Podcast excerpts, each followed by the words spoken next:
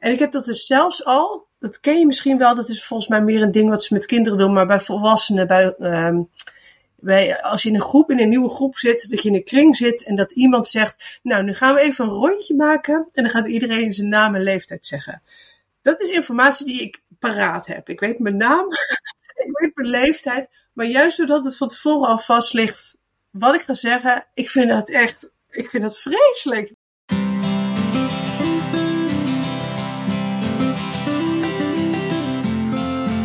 Hoi, welkom bij Schrijfpraat, de podcast. Wij zijn Emmy en Kim en in deze podcast praten wij over schrijven en over alles wat daarbij komt kijken. We spreken boeiende gasten, behandelen interessante onderwerpen en we drinken thee en koffie. En we lachen, dat ook. Vooral om onszelf en onze eigen valkuilen. Want boven alles is schrijven gewoon leuk. Even een kleine disclaimer. Omdat wij de podcast op afstand, dus online opnemen, is de geluidskwaliteit niet van studioniveau. Maar hé, hey, het gaat om de inhoud, toch? Hallo iedereen, welkom terug bij Schuifpraat. En het is uh, een nieuw jaar, dus de beste Ja. wensen. Gelukkig nieuwjaar allemaal! Gelukkig nieuwjaar. En ja, wat natuurlijk ook een beetje bij een nieuw jaar hoort, is eh, goede voornemens. Ehm, en dat doe ik eigenlijk niet aan. Maar ehm, het hoort wel ook een beetje misschien bij het thema van deze aflevering. Want ehm, het gaat over op het podium staan en voordragen. Maar vooral ook de angst die ik in ieder geval zelf daarbij heb. En eh, ja, daar ga ik gewoon even heel openhartig over zijn deze keer. Maar Emmy en ik hadden het er dus net over ehm, dat wat we dan, hoe we gingen beginnen. En het is het nieuwe jaar en zeggen we dan gelukkig nieuwjaar. Of luisteren mensen misschien op een ander moment.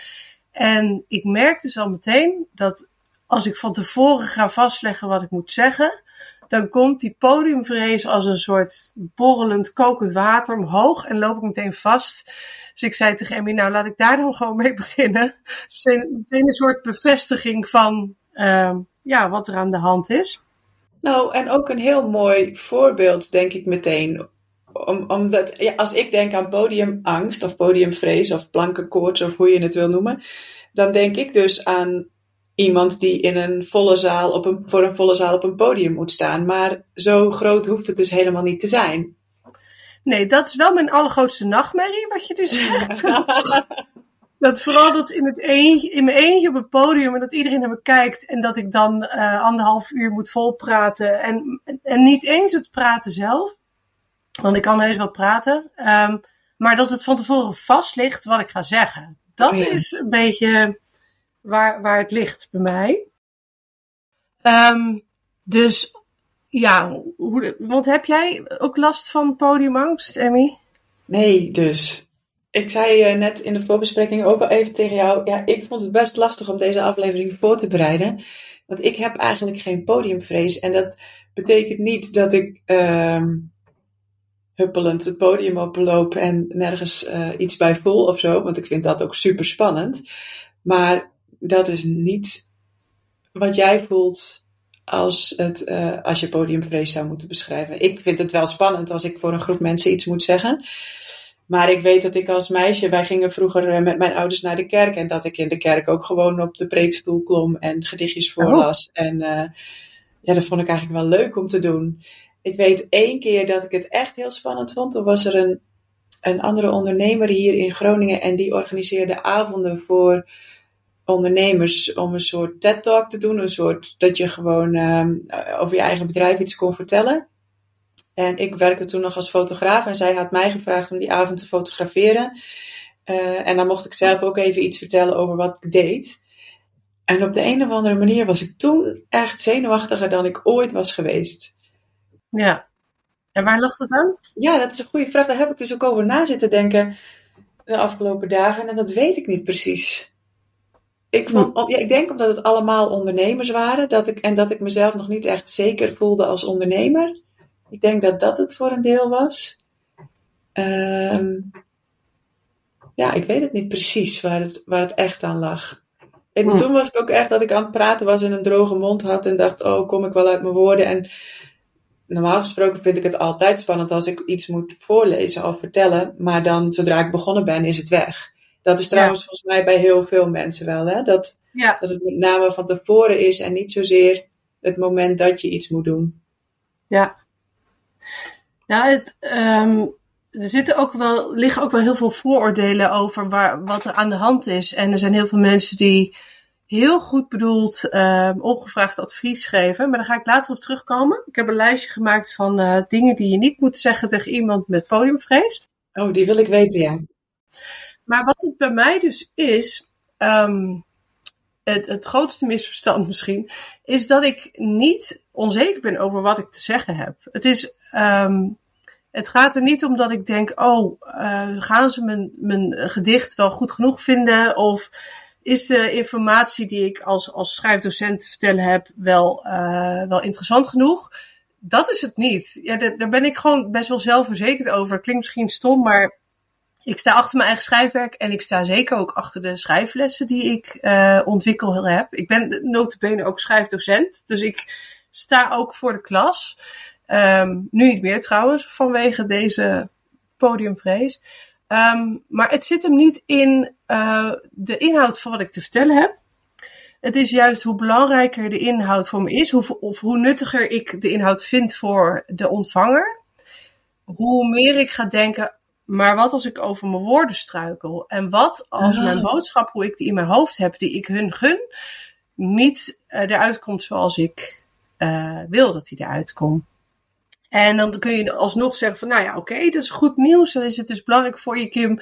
Um, dus uh, ga dat podium op en ga het ze vertellen, want ze hebben het blijkbaar nodig. Maar bij mij gaat die, dat idee van wat als ik niet uit mijn woorden kom, slaat dan ook op mijn fysiek. Dus dan ga ik op een gegeven moment hakkelen of stotteren. Uh, struikel ik over mijn woorden. En in de ergste versie blokkeren mijn stembanden gewoon. Dus dan krijg ik er gewoon echt geen geluid meer uit. Maar dat is ook echt gebeurd. Dat gebeurt eigenlijk standaard tegenwoordig. Dus daarom doe oh. ik het niet meer. Ja. Ja, dat is heel vervelend. Het is. Ik. Ik.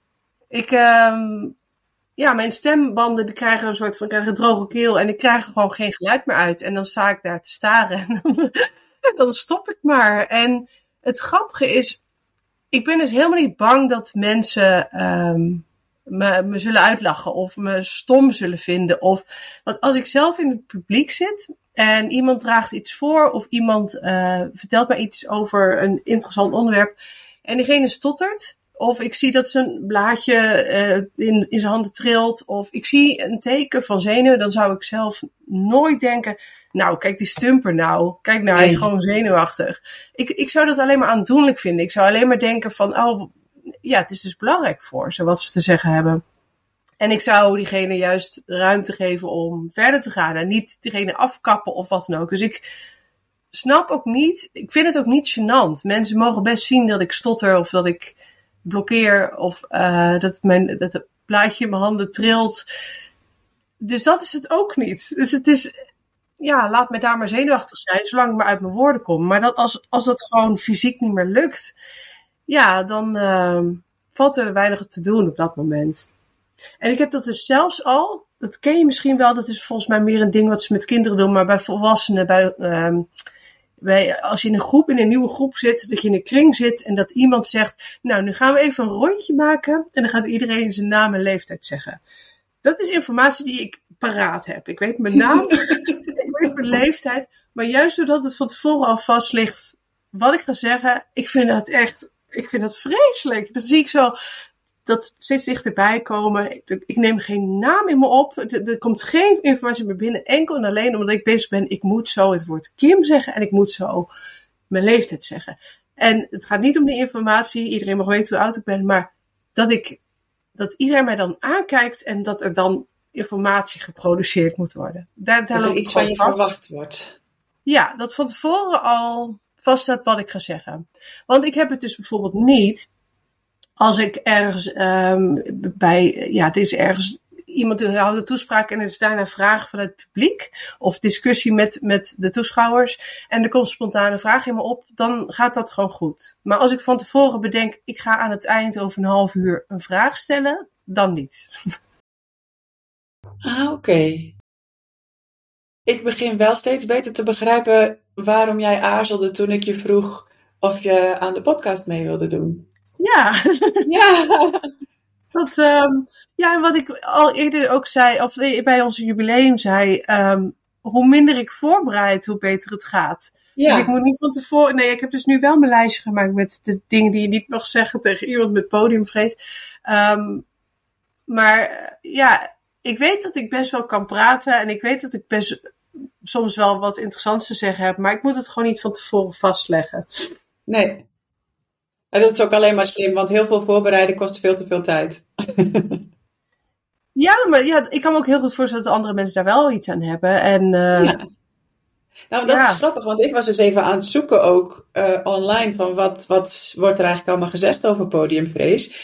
En een van de belangrijkste tips is dan ook, bereid je goed voor, zodat je weet uh, wat je gaat zeggen, wat je gaat doen, waar de dingen zijn, waar je gaat staan. Waar je... Maar voor jou zou dat dus eigenlijk helemaal niet handig zijn. Of nee.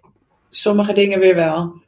Ik denk dat dat uh, van bereid je goed voor, dat dat vooral geldt als je misschien nog een beetje onzeker bent over de inhoud van wat je gaat vertellen. Of hoe het ontvangen gaat worden.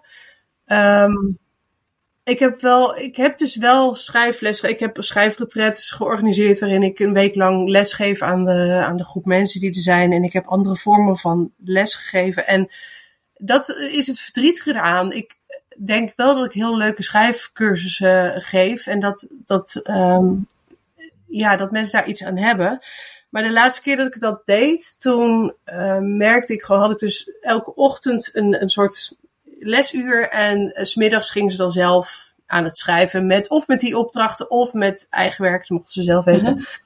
En ik was daar elke, ik sliep daar zo slecht en het, ik had echt mooie lessen voorbereid en ik heb eigenlijk op het laatste moment elke ochtend het hele lesstof vertellen van iedereen kijkt naar mij en ik ga nu alle theorie die ik weet over bijvoorbeeld dialogen ga ik vertellen, heb ik op het laatste moment uitgesneden en ben ik begonnen met Um, hier is een dialoog, dat had ik al uitgeprint. Lees er mee en ga erover in discussie. Dus heb ik ze vanuit mezelf maar aan het werk gezet en aan de hand van een bepaalde tekst um, zo ook de lesstof behandeld. Ja. Omdat, ik, omdat ik er gewoon niet uitkwam. Omdat ik dacht, ik, ik ga dit niet. Maar dat is wel heel zonde. Dus ja, ik wilde heus wel wat aan doen. Ja. um, en ik ben er ook wel mee bezig. Maar um, het jammer is dat er dus heel vaak vanuit wordt gegaan dat ik dan dus twijfel. Nee, ja, dat, ik kom straks op de voordelen. Maar ik heb nog een uh, concreet voorbeeld. Ik was laatst, um, dat is een heel leuk medium taalpodium. Een groepje mensen die schrijven allemaal en die, uh, die geven ook eens in zoveel tijd een bundel uit met het schrijfwerk van de leden. En een van mijn stukjes die, uh, die kwam daarin te staan. En dat, die bundel werd dus ook gepresenteerd. En al die mensen is het het grootste, ja, een soort hoogtepunt van de, de maand of misschien wel het jaar. Dat je daar op het podium staat en je eigen stukje mag voordragen. En ik denk dat dat ik, voor jou niet per se het hoogtepunt is. Nee, ik dacht echt, ik vind het Oh. Hartstikke fantastisch om hier aan mee te doen, maar ik wil eigenlijk het podium niet op. En toen heb ik gevraagd, um, ik, ik ben er wel bij en ik, ben heel, ik voel me vereerd, maar is het ook goed dat iemand anders mijn stukje dan voordraagt? En, en dan wel om, met mijn naam als schrijver erbij natuurlijk. Um, en uh, ja, dat mocht. Oh, en zeker, jullie hoeven ook niks te zeggen over dat ik bang ben om het podium op te gaan. Maar gewoon, uh, dit is de tekst van Kim Linsen en het wordt gepresenteerd door. Dus ik had mijn vriend meegenomen. En die is acteur en die is echt uh, een master in, in presentaties. En ja, op het podium uh, een tekst uitbrengen. Dus voor ons was het allebei een soort win-win. Ik hoorde mijn tekst, ik hoefde er zelf niet in beeld. En hij kon lekker de ja, de, de, de, hoe noem je dat, de presentator uithangen, zonder dat hij afhankelijk was van vinden ze mijn tekst wel goed genoeg. Ja. En toen, um, dat ging heel goed, was heel leuk. Maar toen kwamen daarna vier mensen op me af, heel goed bedoeld, die zeiden, hé, hey, maar wat zonde, waarom ben je zelf het podium niet opgegaan? En um, ja, toen heb ik wel toen ze net vroegen van waarom, als het echt een oprechte vraag was, zei ik van ja, omdat ik dan ga stotteren. Ik heb me even het hele verhaal van wat Ja. er gebeurt met de stemband samengevat in dan ga ik stotteren. En toen zag ik ze schrikken van, oh, oh ze wil het dus niet zelf. Ehm, maar er wordt ook wel heel makkelijk van uitgegaan dat, het, dat iedereen het fantastisch vindt om op het podium Ja. te staan. En dat, ja, dat is dus niet zo, wat mij betreft. Nee, dat denk ik ook niet. Ik weet ook niet of ik het fantastisch vind. Eigenlijk. Ik vind het Ik wel. vind het niet erg. Ik, en ik heb niet wat jij hebt, maar om nou te zeggen dat ik denk... Oh, ik heb echt heel veel zin om straks eh, eventjes ergens op een podium te staan. Voor, dat ook niet, denk ik. Nee, maar ik snap wel, ik snap wel de hele vreugd eh, eromheen. Dat je daar staat. En natuurlijk, iedereen vindt het spannend. En je bent je eigen werk aan het presenteren. En hoe gaat het ontvangen worden? Ik snap wel dat dat meespeelt. Maar het is ook ehm, in zo'n eh, gezelschap, onder de, met schrijvers onder elkaar. En hopelijk misschien een verdwaalde uitgever die jou eh, zou kunnen ontdekken. Zal niemand ehm, jou aanstaren zonder te klappen of, of boe gaan roepen. Of, het is een heel warm gezelschap dat het altijd goed ontvangt. Dus daar hoef je niet bang voor te zijn. En bovendien is het ook, eh, je, je laat letterlijk je gezicht zien. Dus de borrel daarna, dan komen mensen naar je toe en die spreken je aan over je stukje. En dan heb je het over hoe je op dat stukje bent gekomen. En daar komen ook, ja, het is echt natuurlijk perfect voor je netwerk. Al ben ik daar niet zo van ook. Maar ehm, het is gewoon heel goed voor je als schrijver om je gezicht te laten zien. En uh, ook een gezicht te koppelen aan je schrijfwerk. Dat is gewoon een heel belangrijk onderdeel van schrijvers zijn. Ja, en dat is ook waarom denk ik zo belangrijk is dat we dit wel hier in deze podcast bespreken. Want je zou kunnen denken, ja, uh, wat heb ik als schrijver nou met podiumvrees uh, te maken? Nou, dat dus. Ja. Zelfs als je een hele grote uitgever vindt die jouw boek wil uitgeven, zul je zelf ook je boek moeten verkopen. Ja, absoluut. Het hoort er echt bij dat, dat als dat boek er eenmaal is, dat jij, um, ja, sowieso een boekpresentatie komt er altijd. En dat je ook in bibliotheek en boekwinkels uh, een soort, green, hoe noem je dat? Green meet. Dat heet volgens anders beschrijven. Maar dat je dus een stukje voordraagt uit jouw boek en dat mensen jou kunnen ontmoeten en vragen kunnen stellen. En uh, dat, ja, je kunt natuurlijk ervoor kiezen om dat niet te doen, maar daar is de uitgever niet heel erg blij mee, want het is echt dat, dat menselijke, persoonlijke contact wat, wat heel goed werkt. Ik weet trouwens niet hoe mensen dat doen die onder een uh, pseudoniem uh, werken. Want dat, zou, dat is wel een mooi excuus om dat niet te hoeven doen. Kan je nu niet meer, maar... nee, nou ja, ik kan nog steeds een boek natuurlijk onder een andere naam uitbrengen. Dan weet niemand dat ik het ben. Maar, maar niet uh, het boek wat je, wat je onlangs hebt voorgelezen natuurlijk. Dat weten nee. we nu wel. Ja, of ik moet die scènes schrappen. Alles om maar niet het podium op te hoeven. Nee, maar um, voordat iedereen denkt van ja, maar Kim, je gaat nu wel heel makkelijk van nou, het is nu eenmaal zo. Uh, natuurlijk zou ik er liever vanaf willen. En um, ik zou het ook. Uh, ik zou het ook heel leuk vinden om daar gewoon uh, plezier in te hebben, om dat podium op te gaan. En ik heb wel ooit ben ik begonnen aan een uh, cursus uh, improv theater. Oh. En dat is um, superleuk. Ik vind sowieso theater heel erg leuk. Maar bij theater moet je natuurlijk hele teksten uit je hoofd leren. En kun je heel weinig zelf uh, sponta aan de spontaniteit overlaten. Maar bij improv leer je vooral om... Je hebt misschien een idee in je hoofd van wat je wil gaan doen. Maar je moet werken met wat je aangereikt krijgt. En dat weet je nooit van tevoren. Dus het was een ultieme oefening in oh ja, ik moet dus alle controle loslaten. Ik heb leuk iets van tevoren bedacht, maar dat moet ik nu loslaten. En ik ga aan de slag met wat ik nu krijg. En um, ja, en dat gaat eigenlijk ook goed.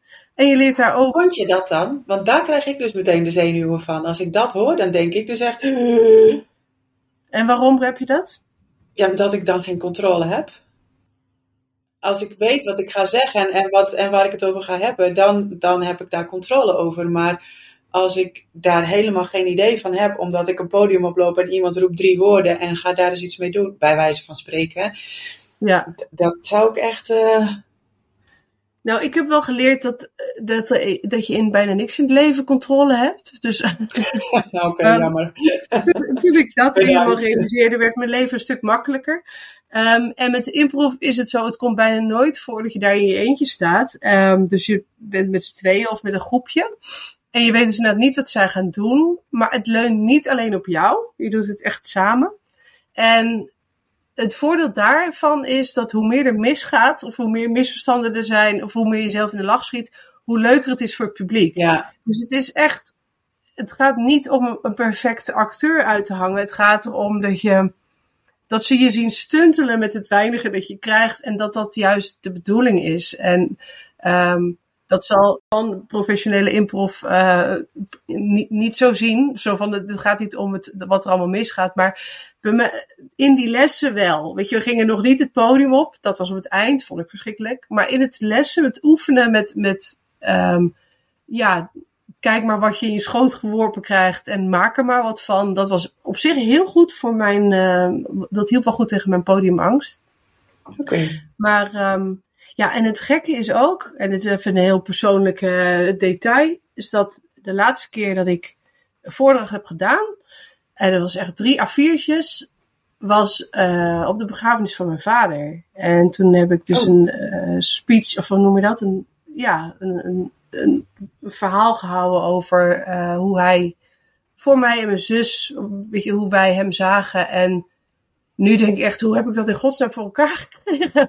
En het ja. microfoon was ook nog eens kapot. Dus het was voor 200 mensen in een staat waarin ik niet helemaal 100% um, ehm, ja, op, op, mijn best was natuurlijk. We hebben net nee. een verlies gehad. En, um, en dat ging heel goed. En dat, ja, ik weet nog steeds niet waarom. Wat wel hielp, is dat um, Ivo, die uh, een, paar, een paar afleveringen terug was, toen hij ooit afstudeerde voor journalistiek, toen zei hij, ja, ik weet dat je een hekel hebt aan toespraak geven, maar ik ben journalistiek gaan studeren door jou, dus ik wil heel graag dat jij op mijn afstuderen een speech geeft. Heb ik gedaan. En ik wow. was heel zenuwachtig. Maar hij gaf er de belofte bij van als jij ooit gaat trouwen of zo, dan, dan doe ik de speech voor jou. En um, nou ja, toen overleed mijn vader en toen heb ik Ivo, die toen al in Frankrijk woonde, heb ik Ivo gebeld en gezegd, nou ja, dat trouwen, dat uh, ben ik niet verplant. maar mag ik die kaart nu inzetten? Want ik wil wel zelf deze toespraak doen en alles zeggen wat ik over mijn vader wil zeggen. Uh, maar mocht ik vastlopen en mocht mijn stembanden blokkeren, dat ik gewoon letterlijk niet meer kan praten, wil jij tijdens mijn speech achter me staan en zodra ik vastloop het gewoon vanaf dat moment overnemen en ook alsof je het als Kim vertelt. En, uh, en dat wilde hij wel, super lief. Hij is hals over kop in de trein naar, naar Nederland gesprongen. En um, doordat hij daar stond en doordat ik die soort van backup had, ging het denk ik niet mis. Ik denk dat dat. Nee. Uh, dus hij heeft nu niet hoeven helpen. Hij heeft gewoon daar gestaan, wat al ontzettend fijne steun was natuurlijk. Ja. En, uh, en ik heb drie A4'tjes ja, kunnen overbrengen zoals ik het wilde. Ja.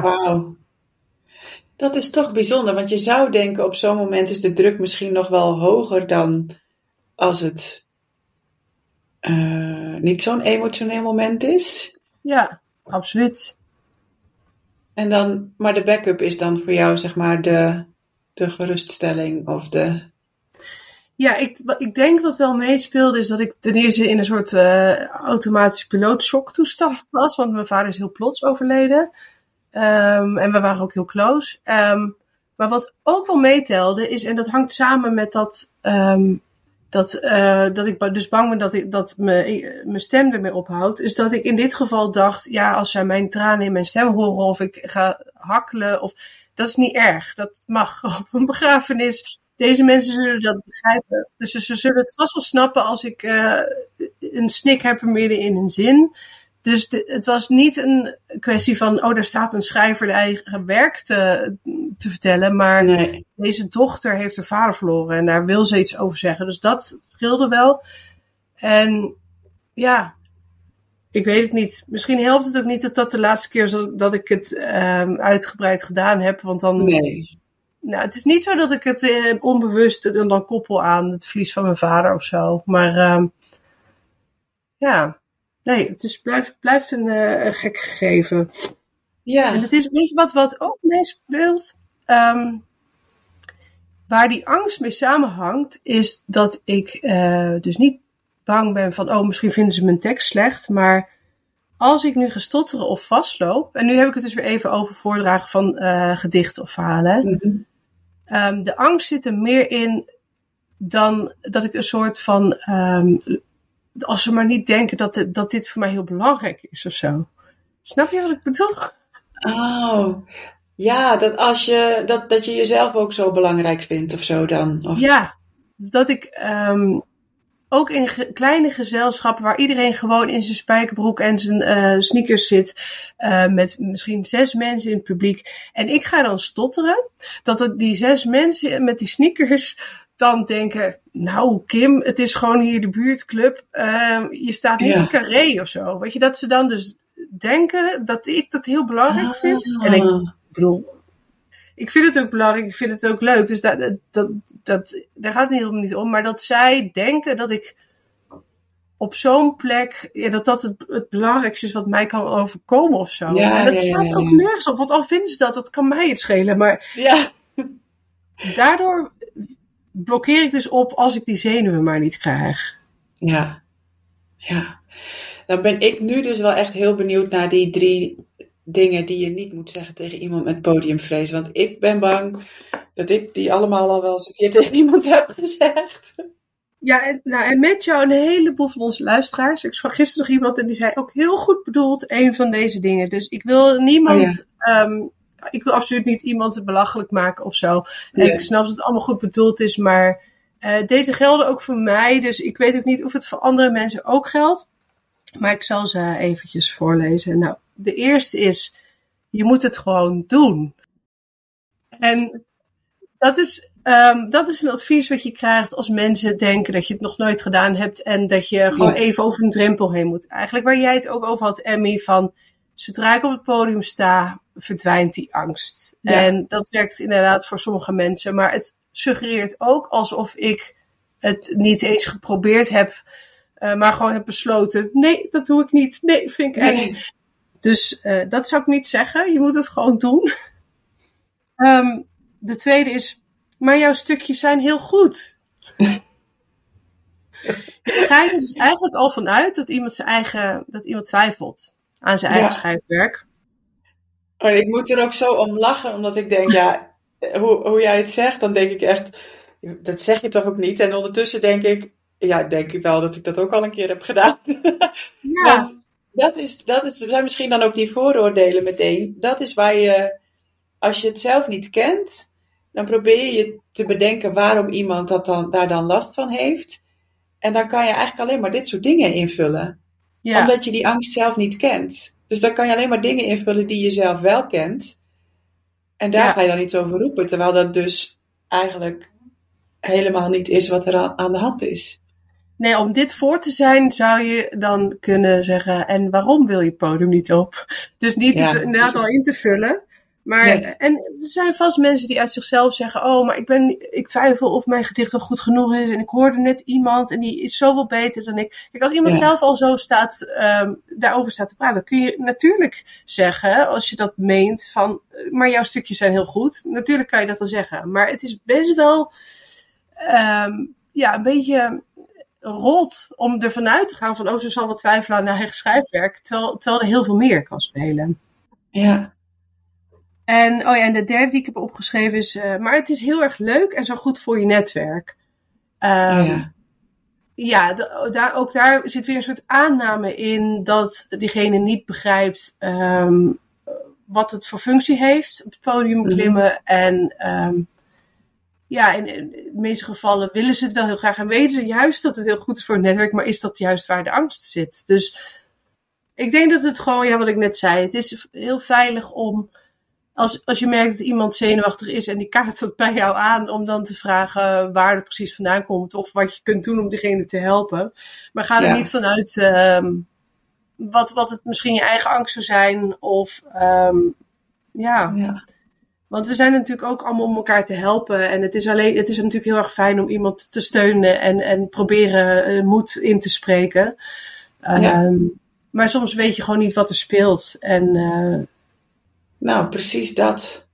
ja, Ik denk dat dit voor, voor, voor heel veel luisteraars goed is om, om te horen en voor een deel ook herkenbaar zal zijn. Ehm, Ja. Dus ja, reageer vooral ook op, eh, op deze aflevering als je er iets in herkent of als je er vragen over hebt of als je, er, als je nog meer tips hebt voor mensen wat we niet moeten zeggen tegen iemand met podiumvrees, dan, eh, sta, dan vind ik dat in ieder geval heel leuk om te horen. Want Ja. ja, ik, ik vind jouw tip van vraag gewoon wat er speelt. Ehm, en je moet natuurlijk wel even aanvoelen of iemand daarop zit te wachten. Maar ja, voordat je allerlei dingen gaat roepen, vraag even ja, op welke manier je kan helpen. Of... Ja, want volgens hetzelfde groot zitten er wel twijfelen ze over één woord in, uh, in, in het verhaal. En misschien heb jij wel een goede ingeving erbij. Dus het kan een heel concreet probleem zijn. En, ja. Uh, ja, en even terug naar die goede voornemens. Mijn goede voornemens wel. Ik, mijn schrijfcursus is gewoon echt heel leuk en nuttig. Dus om ja. wel weer na te denken over een vorm waar ik wel zelf vrede mee heb. Um, en heus niet me erbij neer te leggen van dat ik nooit meer voor de klas zal staan. Maar meer te kijken naar wat is dan een vorm waarin ik wel langzaam weer over dat stotteren heen kom. Dus uh, mm -hmm. dat is mijn goede voornemen. Heb jij nog een goed voornemen? Nou, meer schrijven. ja, dat is ook altijd De afgelopen weken komt het er gewoon helemaal niet van. Daar word ik helemaal gek van. Dus uh, ik heb echt uh, voor januari weer, uh, moet het echt weer anders. Na de vakantie moet ik echt weer meer gaan schrijven. Wil ik gewoon nog meer gaan schrijven. En het podium op, of niet? nou, dat is niet per se een voornemen. Want ik zou nee. niet weten nu even hoe of wat of waarom. Maar nou, als het uh, zo uitkomt, ja hoor, je kunt mij bellen. ja, zal ik doen. Ja, bellen is mijn andere sociale angst. Oh, je mag ook appen. of een voiceberichtje inspreken. Ja, dat is goed. Oké, okay, nou dan sluiten we deze aflevering hierbij af. Um, dankjewel voor het luisteren weer en uh, tot de volgende. Tot de volgende. Superleuk dat je weer geluisterd hebt. Luister jij graag naar Schrijfpraat en wil je ons helpen de podcast te blijven maken? Dan kun je doneren via petjeaf.com schrijfpraat. Je vindt de link ook in de show notes. Met een review of een beoordeling op iTunes of Spotify help je ons hoger in de lijsten te komen en help je nieuwe luisteraars om ons te vinden. Deel de podcast ook gerust in je netwerk of op social media en tag ons dan even. Wij vinden het fantastisch om te weten wie je luistert. Heb je vragen of is er een onderwerp waar jij onze mening of ervaringen over wilt horen? Of is er iemand die jij graag als gast in Schrijfpraat zou horen? Laat het ons dan weten. Bijvoorbeeld via Instagram. Kim-Linsen-auteur en Emmy de Vries.